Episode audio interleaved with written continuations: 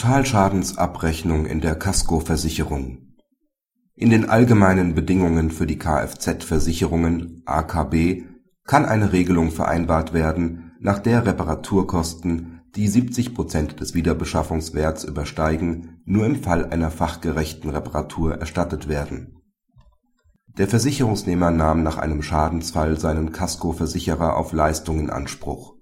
Er wollte den Schaden auf Gutachtenbasis abrechnen der Versicherer verweigerte eine derartige Abrechnung unter Hinweis auf die dem Vertrag zugrunde liegenden AKB. In diesen fand sich die Klausel, dass Reparaturkosten, die 70 Prozent des Wiederbeschaffungswerts betragen oder übersteigen, dem Versicherungsnehmer nur dann erstattet werden, wenn er eine fachgerechte Reparatur nachweist.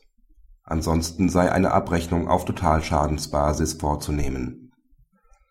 Der Versicherungsnehmer hielt diese Klausel für unwirksam da sie den Grundsätzen des Schadensersatzes nach § 249 BGB widerspreche. Das Landgericht teilte seine Auffassung nicht. Es verwies darauf, dass bereits zweifelhaft sei, ob sich die entsprechende Regelung in den AKB überhaupt an § 249 BGB messen lassen müsse. Der Versicherer schulde seinem Versicherungsnehmer nur die Versicherungsleistung, die der im Versicherungsvertrag getroffenen Vereinbarung entspreche. Insofern seien die Vertragsparteien grundsätzlich frei, Voraussetzungen und Höhe einer Entschädigungsleistung zu vereinbaren.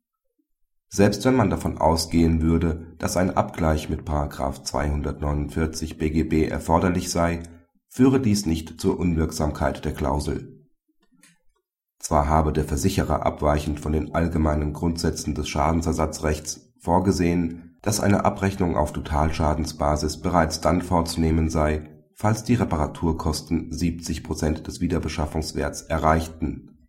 Entscheidend sei jedoch, dass dem Versicherungsnehmer auch nach den streitgegenständlichen AKB die Möglichkeit offen bleibe, die Reparaturkosten bis zur Höhe des Wiederbeschaffungswerts abzurechnen, falls er eine fachgerechte Reparatur nachweise. Von daher sei die Ausweitung der Totalschadensabrechnung in den AKB nicht als wesentlich anzusehen auch sei die angegriffene Regelung in den AKB nicht nach § 307 Absatz 1 Satz 1 BGB unwirksam.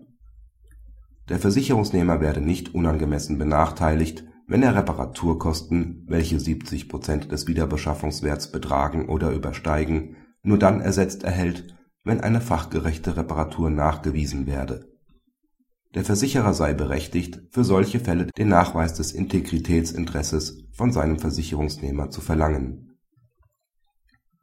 Praxishinweis Die Entscheidung zeigt deutlich, dass Versicherungsrecht Vertragsrecht ist.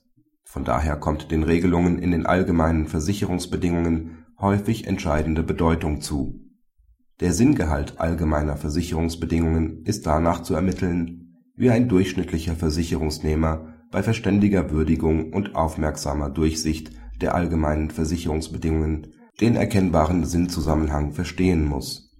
Im Rahmen der Inhaltskontrolle der Bedingungen ist gemäß § 307 Absatz 2 Nr. 1 BGB vor allem die Leitbildfunktion der gesetzlichen Regelung zu beachten.